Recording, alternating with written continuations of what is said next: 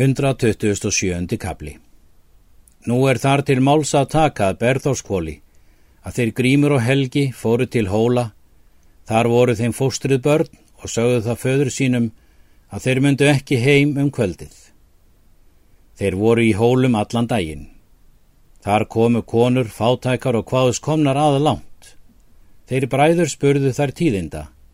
Þær hvaðust engi kunna tíðinda að segja en segja kunni við er nýlundu nokkura. Þeir spurðu hverja nýlundu þær segðu og báðu þær eigi leina. Þær sögðu svo vera skildu.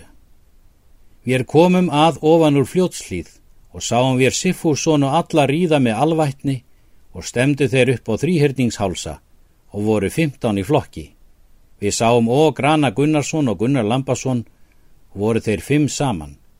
Þeir stemdu hinn að sömu leið og kalla má að nú sé allt á för og á flaug um héræðið. Helgin Jálsson mælti. Þá mun Flósi komin austan og munu þeir allir komnir til móts við hann og skulum við grímur vera þar sem skarpjaðin er.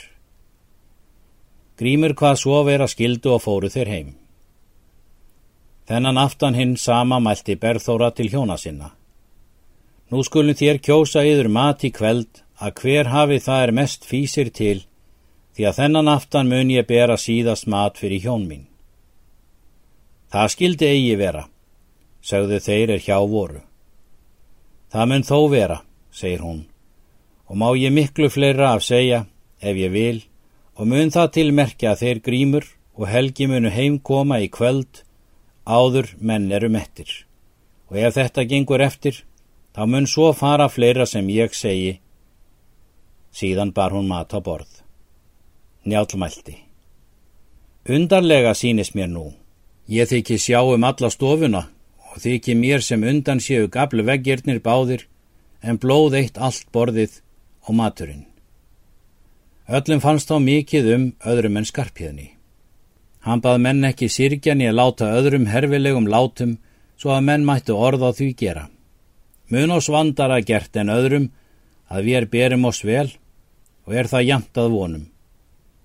Þeir grímur og helgi komu heim áður borð voru ofan tekin og brá mönnum mjög við það.